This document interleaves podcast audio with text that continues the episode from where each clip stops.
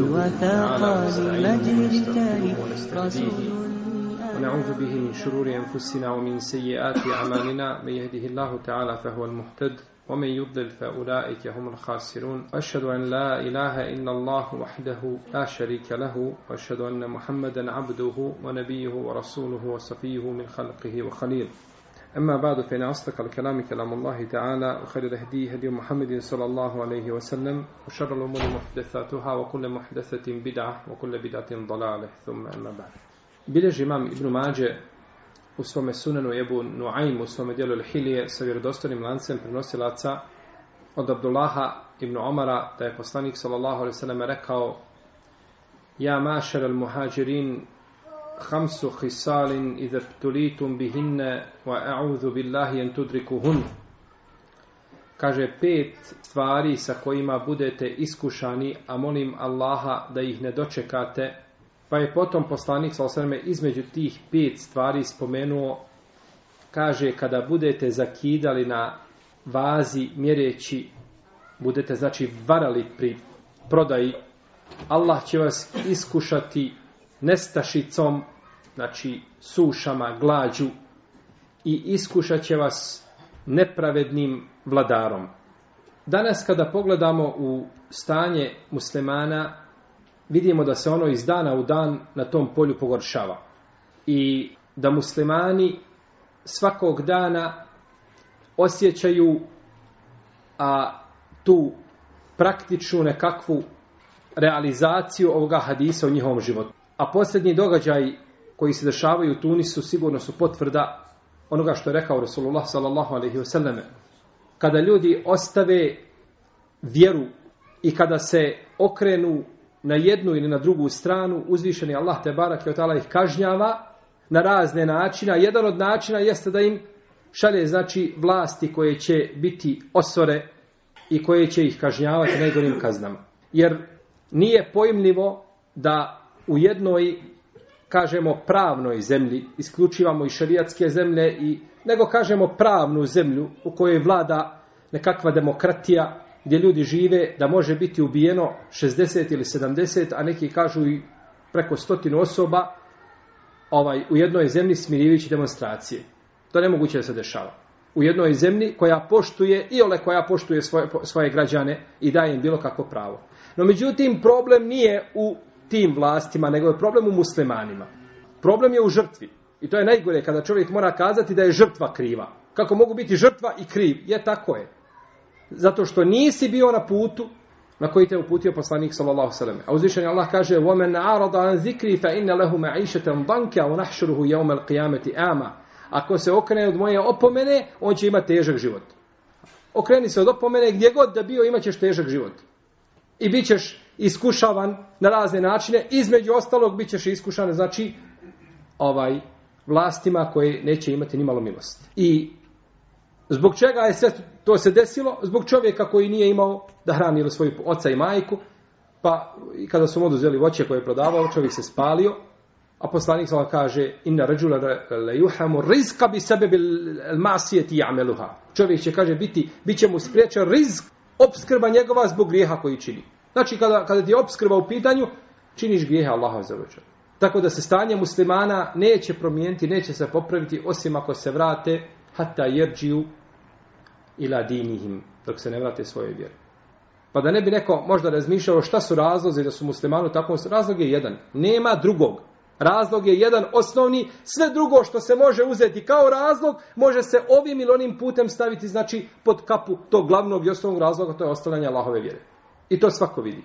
Nećemo govoriti gdje su ljudi da uče Allahovu vjeru, da sjede po džamijama i da uče Kur'an i sunnet da znaju kako će biti musliman, da budeš musliman na pamet, onako, ko muha bez glave, Nego da budeš musliman na basiri, da znaš kako ćeš obožavati Allaha za ođel. Ne da govorimo o tome, ne govorimo gdje ste od ispravnog vjerovanja i od obožavanja Allaha za ođel i gdje ste od šta? Od namaza, gdje ste od zekijata, gdje ste od posta, gdje ste od dobročinjstva prema roditeljima. Gdje ste od lepog odnosa prema komši i gdje ste, gdje ste od osnovnih stvari, znači bez koji čovjek ne može ovaj biti musliman osim sa velikom dozom, dozom krnjavosti ili da potpuno jel, izgubi a, tu svoju jeli, haviju ili svoju tu ličnu kartu. Tako da je ono sigurno što se dešava u Tunisu je ovaj kazna s jedne strane, a pouka onim koji imaju razuma sa druge strane. Nama ono, Allah te barek da pomogne muslimanima da ih izbavi iz nedaća kojima se nalaze. Mi smo, draga moja braćo i cijenje sestre, govorili u našem prošlom predavanju. Počeli smo sa poglavljem kojim, ko zna. Malim? Poglavlju posjećivanja kaburova. Dobro, nije tako poglavlje bilo, ali eto, ti se ovaj spomenuo riječ koja je koja je u svemu tome prisutna, to je kabur. Odli smo poglavlju da je pretjerivanje u pogledu kaburova dobrih ljudi da ih čini kipovima koji su obožavaju ima Allaha za ođel. Pa smo došli do riječi autora gdje kaže i bilježi Džerir sa lancem prenosilaca od Sufjana od Mensura od Mujahida da su rekli, da je rekao u komentaru Allahu azza wa jalla riječi afaraitumul late wal uzza jeste li vidjeli Lata ili Za, kaže da je to bio čovjek koji je mleo brašno. Jel, brašno se ne mlje, nego se mlje šta? Pšenica za Ali, jel, kada kažem, znamo na što mislim.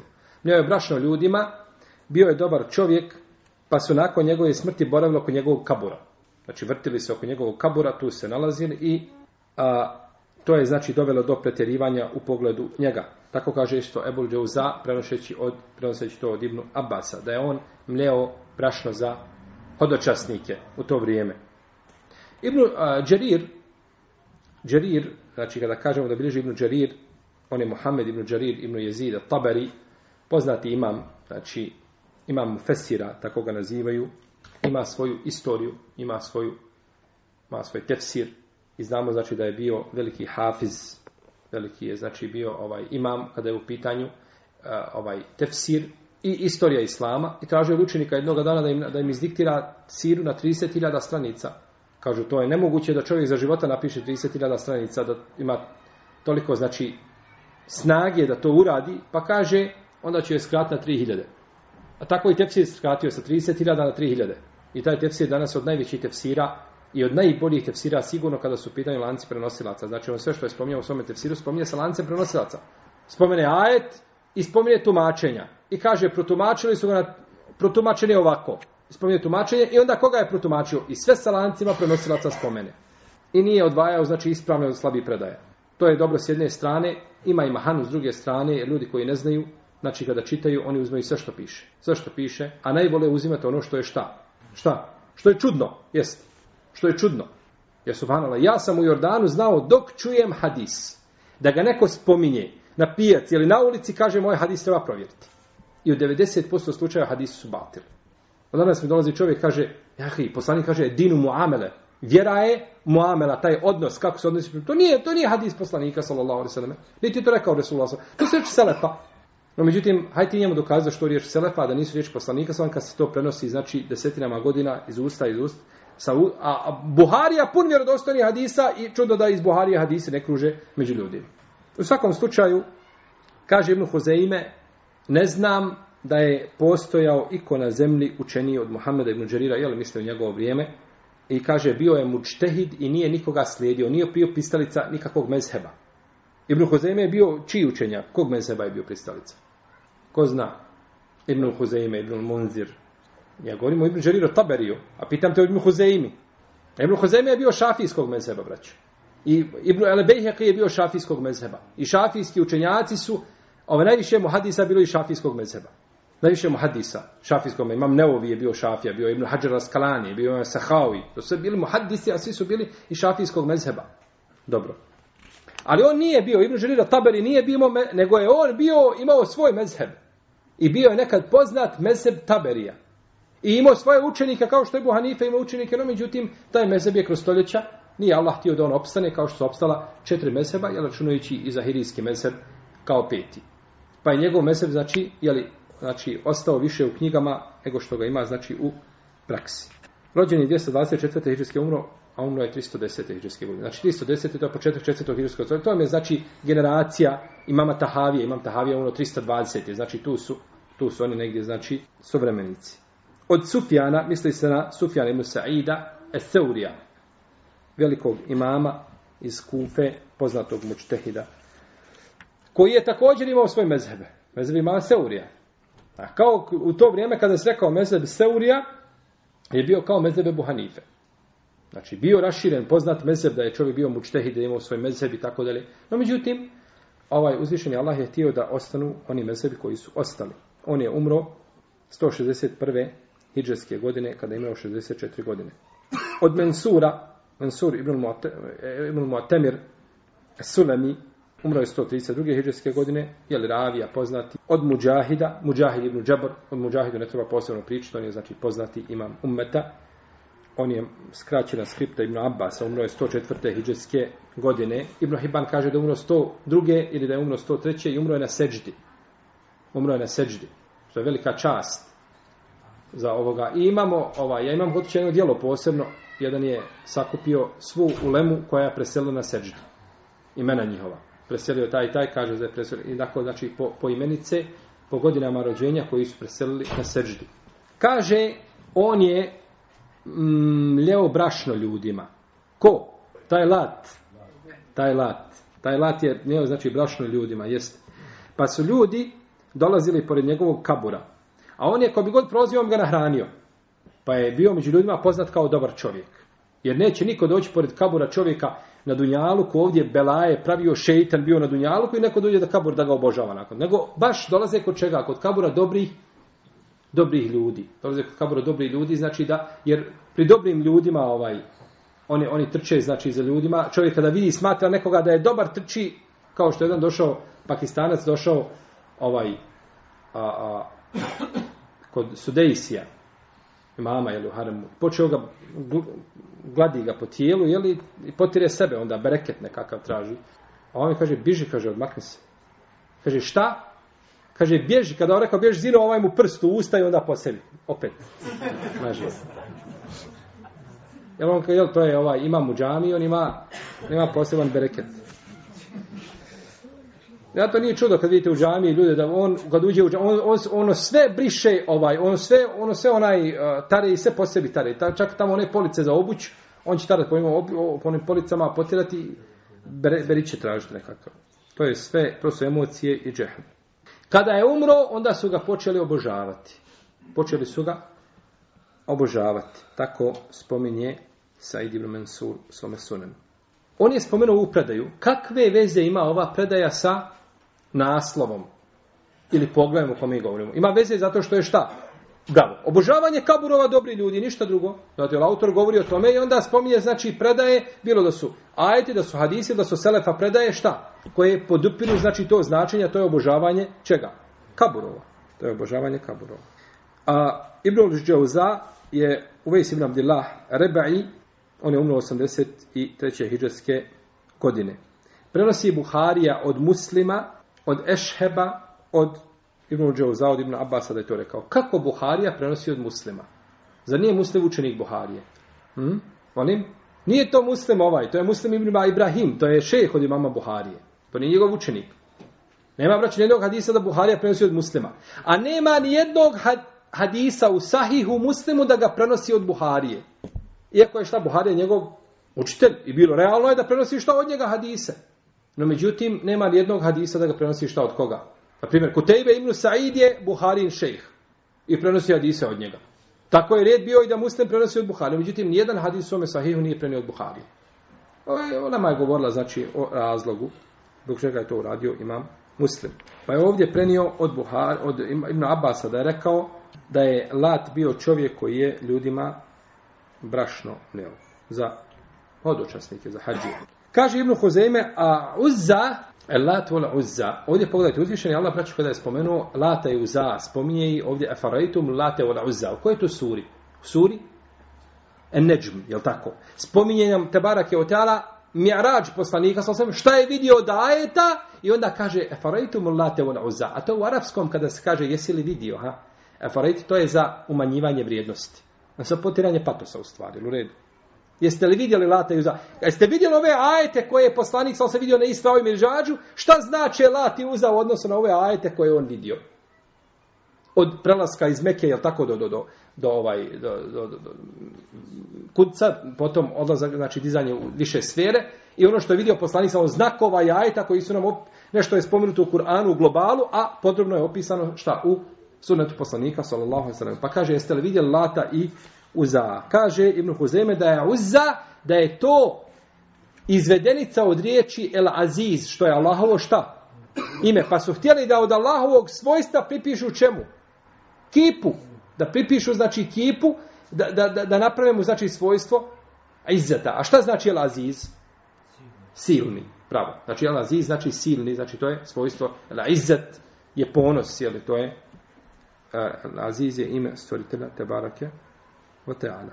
Pa je, jel uzza, oni su toga nakon toga napravili kipove. No međutim, odakle je porijeklo? Porijeklo je to je bilo drvo na kome su oni gradili nešto i na kome su ovaj, jeli, na kome su bili prekrivači nekakve koje su postavljali, to je bilo mjesto koje se zove Nahla između Tajfa i Meke. I zato su, oni su to obožavali, Kurejišije, zato su oni kazali, a ovaj, na Uhudu, šta su kazali? Šta je Bu Sufjan rekao? za uza, ponosili se, jel tako, uzao. Kaže Ebu Sufjan, lenne la uzza, wala uzza lekom. Kaže, mi imamo uza, a vi nemate uza. Kažu muslimanima. Kaže, Allah uposlijeće, šta ćemo reći? Kako da mu odgovorimo? Oni imaju, a mi nemamo. Kaže, reci, Allahu meulana, wala meula lekom. Reci, kaže, Allah je nas zaštitnik, a vi nemate zaštitnika. Pa su im odgovorili, pa su ušutali. Potom kaže autor, Od Ibn Abbas se prenosi da je poslanik sa osam rekao Lana Rasulullah, ili kaže Ibn Abbas, Lana Rasulullah sallallahu alaihi sallame za uarat il kubur ul mutahidina alaiha al mesajid o suruđ. Kaže, Allahov poslanik sa osam je prokleo žene koje posjećuju kaborove. I one koje i oni koji uzimaju te kaborove za mesečide i oni koji osvjetljavaju kaborove. Ovaj hadis Oko njegovog, njegovog lanca prenoslaca muhaddis imaju različite stavove. Neki ga prihvataju, neki ga odbacuju. Uglavnom ima različite puteve koji bi mogli pojačati jedan drugi. Da je poslanik, sallallahu sallam, je prokleo, znači žene koje posjećuju kaburove. I odavde se vodi ili ovaj uzima se jedno fiksko pitanje, a to je propis posjećivanja kaburova. Prvo, kaburovi, posjećivanje kaburova u šerujete je prvo bilo dozvoljeno. Posjećivanje kaburova u islamu je prvo bilo dozvoljeno. Potom zabranjeno, potom dozvoljeno. Jer kada je poslanik sam rekao ashabima, bio sam vam zabranio posjećivanje kaburova. Nakon čega je došla zabrana? Molim? Nakon dozvole, ne može zabrana, ako je bilo zabrana, nema šta zabranjivati, ne može, ne može zabrana po zabrani. Nego zabrana dolazi na nešto što je dozvoljeno, je u redu. Znači, Zabranio sam ženi da izlazi u trgovinu. Zabranio se nakon nakon što je bilo šta dozvoljeno.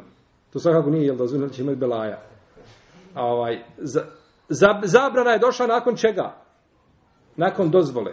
I ovdje u šari, kaže se za, za, za ove za kaburove, zabio sam vam zabranio kaburove, posjećivanje kaburova, pa kaže sad ih posjećujte, pa je bilo znači dozvoljeno, pa zabranjeno, pa dozvoljeno. Znači to je propis, sada ih posjećivajte. I u šerijatu, braću, u, u, u, kod islam, u islamskoj jurisprudenciji ima pravilo, kada dođe naredba nakon zabrane, je u redu? Imamo zabranu, pa nakon zabrane dolazi naredba. Da li je ta naredba obavezna? Naredba u osnovi šta u šerijatu? Obavezna, u redu. Kada nešto Allah azuđen naredi, ili poslanik sa svem biva šta? Vađib, osnova je da je vađib. U redu. Bilo je nešto zabranjeno, pa dolazi naredba. Jedan dio uleme kažu to nije sad obaveza, nego je dozvoljeno ili može biti sunnet. Pohvalno, menduba, ali neće biti obaveza. Kao kada uzvišeni Allah kaže, Oda, fe ida haleltum festadu, a kada skinete i hrame, lovite. Jel, jel lovite naredba? Jeste. Znači moraš, obavezno skineš i hrame, moraš otići nešto dole, po, po meki dole nešto loviti ili kad se vratiš kući dođeš u lov, jel tako? Bar u ribe, jel tako, da loviš. Ne, naredba je došla šta? Lovite, ali nakon čega? Kakve zabrane? Nakon zabrane, dok je čovjek u ihramima. Znači, bio su u ihramima i zabranjen ti lov. I onda naređuje se, ali naredba došla nakon čega? Nakon zabrane. E, kažu, tu više naredba nije vađib, nego je mendub. Ili je mubah. Samo, Jel u redu? Samo u vas, samo dozvoljeno. Znači nije se ciljalo ovdje pa lovite ne da ti moraš ići u lov, nego šta? Nego, hoće se kaze šta, dozvoljen ti je ponovo, lov više te nije zabranjen. A neki kažu, vraća se, dobro me slušajte, vraća. A ne kao Lema kaže, vraća se taj propis onakvim kakvim je bio prije zabrane. Šta je lov u šarijetu bio? Mubah ili je sunnet? Mubah, dozvoljeno. Pa je došla zabrana da loviš zato što si u čemu? U ihramima. I onda nakon toga dolazi naredba da loviš. Kažu ta naredba sada više nije šta? Vađib. Niti je sunet, nego se ta ista naredba vraća, uzima se njen propis prije zabrane. Kak, pa ako je bio vađi, ako je bio sunet, uzima da je sunet. Ako je bio muba, da je bio muba. Jel u redu? Dakle, posjećivanje kaburova jesu te su tri faze bile. Znači, dozvola, zabrana, dozvola. I poslanik je sam rekao, kaže, i bio sam vam zabranio posjećivanje kaburova, posjećujte ih, oni vas podsjećaju na ahiret. Pa je kazao, rekao nam da posjećujemo i kazao razlog zbog čega se šta? Posjećuju kaburova. U redu. Ovaj razlog, da li on vrijedi i za muškarce i za žene? Da li žene imaju potrebe da spričaju ahiret? Svakako, kao i muškarci, nikakve razlike nema. Znači, u pogledu čega? muškaraca i žena, znači nema tu razlike. Pa je razlog, pa je razlog isti. Dobro. Kada kaže poslanik sam zabio sam vam zabranio posjećivanje kaborova, posjećujte ih. Odnosi li stoje na muškarci ne žene? Molim, na muškarci ne žene? Pa isto, znači jed, naredba je došla. Zabranio sam, nije poslanik, poslanik kada kaže klanjajte kako vidite mene da klanjam. Odnosi li to i muškarci ne žene? Nikakve razlike nema. Jer poslani muškarcama i ženama i džinima. Jel tako? sallallahu ala rasulillah. Nije poslan je li samo muškarcima, samo ženama ili jednoj skupini ili Arapima kao što kažu ili židovi. Nego je poslan znači svim ljudima ha, kak, kakvog roda da bili. Pa kada kaže zabranio sam vam bio, pa vam kaže sada ih posjećujte, znači odnosi se na što i na muškarce i na, i na žene. Ispravno je, braće, mišljenje da je ženama dozvoljeno da posjećuju kaburove. Allah te alalem, to je stav džumuhura uleme. Džumur uleme kažu da je dozvoljeno. Kod hanebi, hanbelijskog mezeba je poznato, znači da brane. I većina uleme danas, jeli, ovaj, savremene koji su, koji se pripisuju mesebu hambelijskom, brane, jeli, ovaj, a, da se posjećuju kaburovi e, ostane žena, no međutim, ispravno je da je, da ovdje ulaze, znači, ovaj hitab, odnosno ovaj hadis dolaze muškarci i žene, a poslanik sallallahu kaže u hadisu koga bilježi Abu Davud inne men nisa shaqai kurrijal. Žene su kao i muškarci u propisima. Isto, one su rođene sestre muškaraca. Kada su pitanju propisi, znači nema razlike, osim tamo gdje je šerijat šta napravio? Razliku. Ima, znači, propisa mnogo. Jedan je, ovaj, jedan je naš ovaj, brat napisao disertaciju doktorsku na temu propisi u kojima se razlikuju muškarca od žena.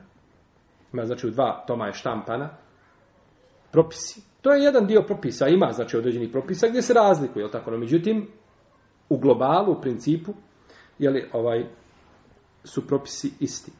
Dalje, šta je još dokaz da je dozvoljeno ženi da posjećuje kaborove? Poslanik je sa svema kako došao kod muslima u sahihu jedne prilike izišao na, na, na Bekiju i dovio, dignuo ruke i dovio. Pa je Ajša izišla da ga prati. Ona je mislila da je otišao kod neke od svojih žena, je tako, da ga prati. Pa kada se je vratila, znači ona je trčala, je bježala ispred njega, pa ga je došla, na, znači, eh, zateko je da, da se zadihala. Dihala je, znači, duboko, udisala, izdisala, kaže, šta ti je, o Ajš, šta ti je? Kaže, ništa Allah uposlanič, kaže, ili ćeš me obavijesti, ili će me obavijesti uzvišeni Allah. Biraj. Jedno dvoje. Pa je odmah kazala, kaže Allah uposlanič, tako i tako. Kaže, meni je, kaže, došao Džibril, rekao mi da idem dovit stanovnicima Bekije, da idem na kabur, da, jel, kod kabura, kod meza, dođem i da im dovim. Kaže, Allah uposlanič, šta da kažem kada dođem kod mezara? Šta da dovim? Kaže, reci, Pa je poučio je dovi. Salamun alaikum, dijare kao min mu'minin. Entu bina sabi kune, nahnu bikum lahi kune, inša Allah, jagfiru Allahu lena u lekum, u jerhamu Allahu il mustakti mine, mine u mustakhirin, ima više ti različiti jel, verzija te dove. Uglavnom, nije rekao, Aisha, a što ti to hoćeš da učiš kad ti onako ne smiješ ići na mezar, jel tako? Nego je poučio čemu? Dovi koja se uči kada se dođe kod mezara, pa je to dokaza da je dozvoljeno. Jedan dio uleme kažu, Nije poslanik sa osam cilja u time da je, da je kaže da može ići na mezar, nego može žena prolaziti pored mezara pa da prouči. Ali poslanik sa osam kada je otišao sada, je li on otišao da prođe ili da ili je ciljan otišao do mezara? A, jel da? Vidi kako iz konteksta hadisa uzimamo da je poslanik sa ciljano otišao, ona kaže, ali oposliče, šta da ja kažem? Šta? Kada prođem nenamjerno pored mezara ili kad odem ciljano? Kad odem ciljano, naravno, kao što si otišao, kaže, reci to i to. Pa i to dokaza, inša Allah, da je dozvoljeno ženi jel, da posjećuje, da posjećuje mezar.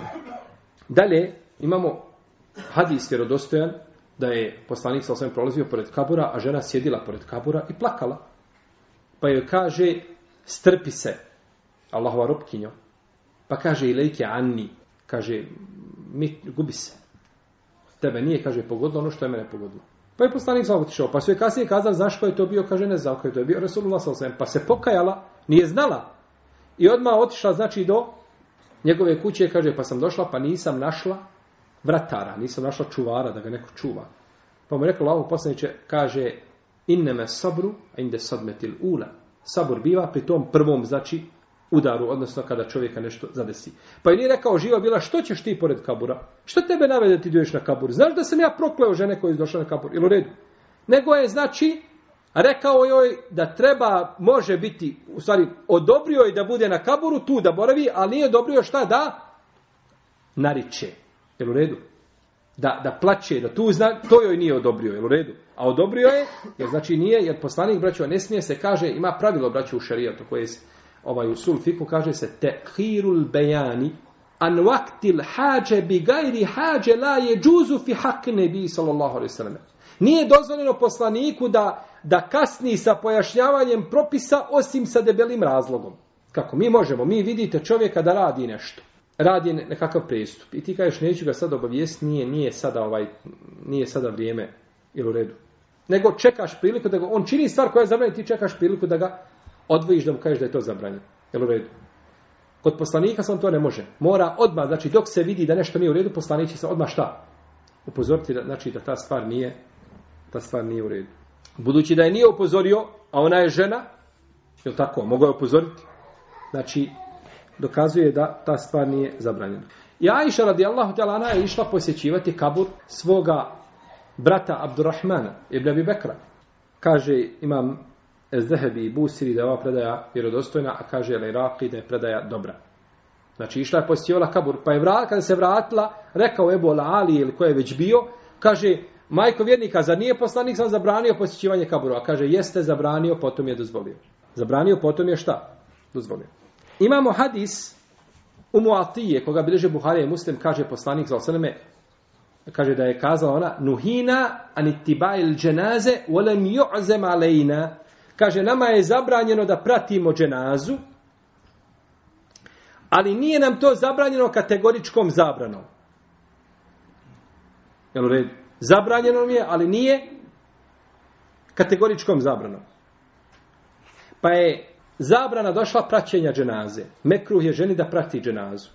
Dobro, gdje će biti više naricanja? U praćenju dženaze ili kada dođe na kabor?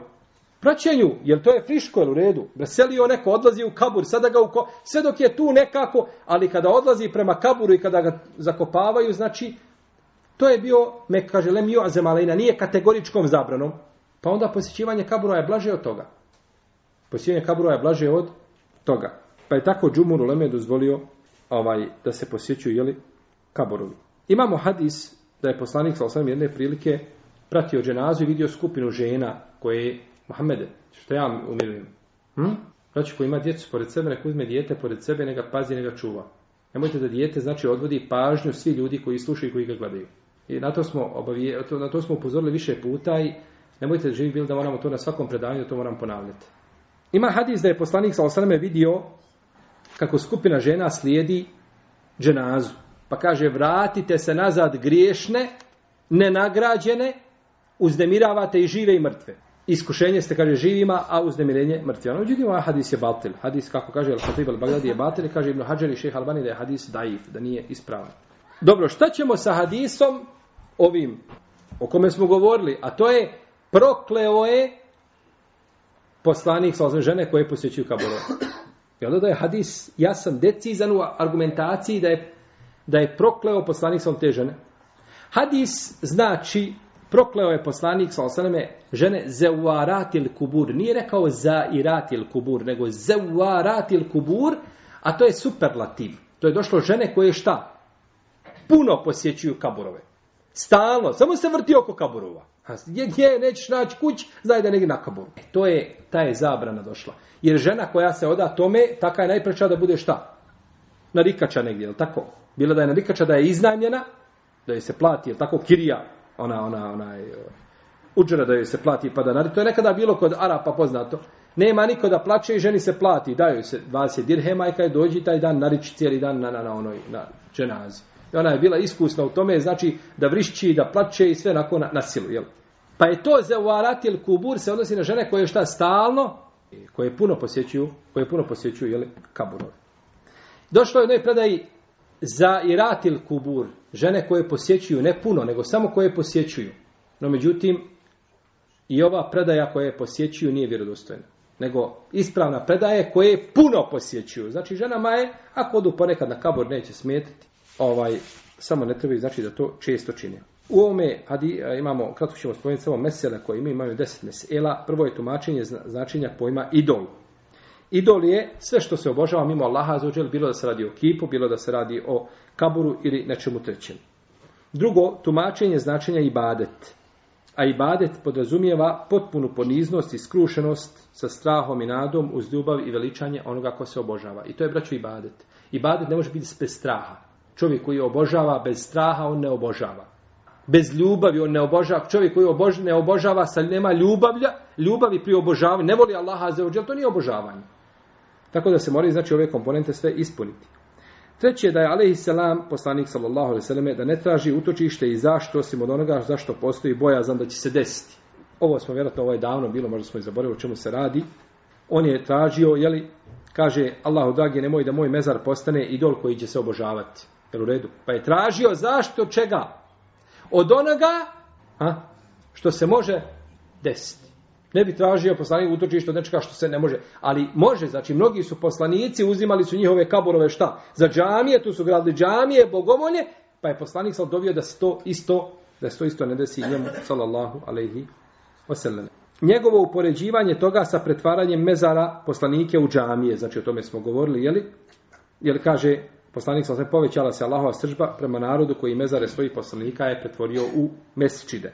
Dalje, spominjanje žestine Allahove srđbe. Kaže, povećala se Allahova srđba. I vidimo, braćo, da je srđba Allahova tebara kjotala različitog intenziteta. Nije uvijek ista. Mi ne znamo, znamo li mi svojstvo srđbe Allahove srđbe? Ha?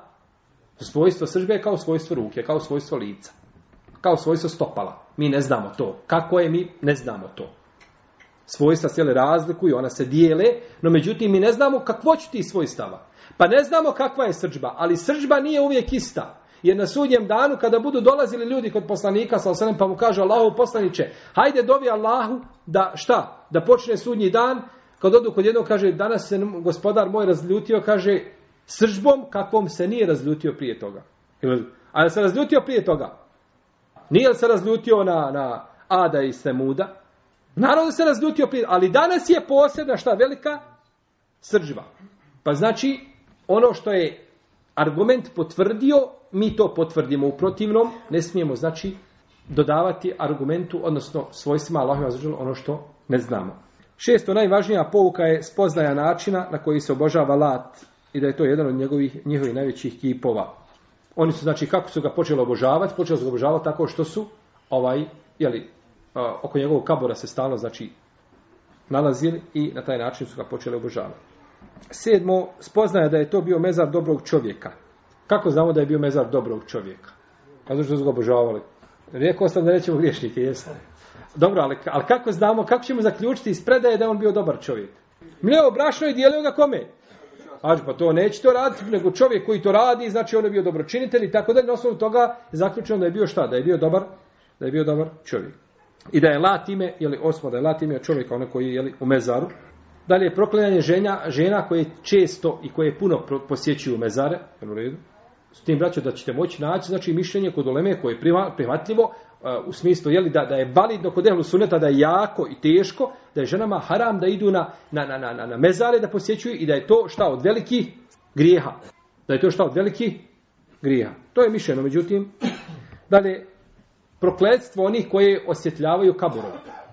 Osjetljavanje kaburova. Znači, kaburo je haram osjetljavati. Imam Zehebi u svom dijelu Kebair. Imam El Heisemi, eh, ovaj, Ibn Hajar El Heitemi, u svome dijelu eh, eh, Zewađir, spominje da, su, da je osjetljivanje kaburova od velikih griha. Zato što ovdje Allahu poslanik prokleo onoga ko šta osjetljava kaburove. Ničim paljenjem ni svijeća, ni lampa, ni lampi nekakvi posebni da kabur mora biti osvjetljen i tako da je sve to haram i zabranjeno. To su teški grijesi.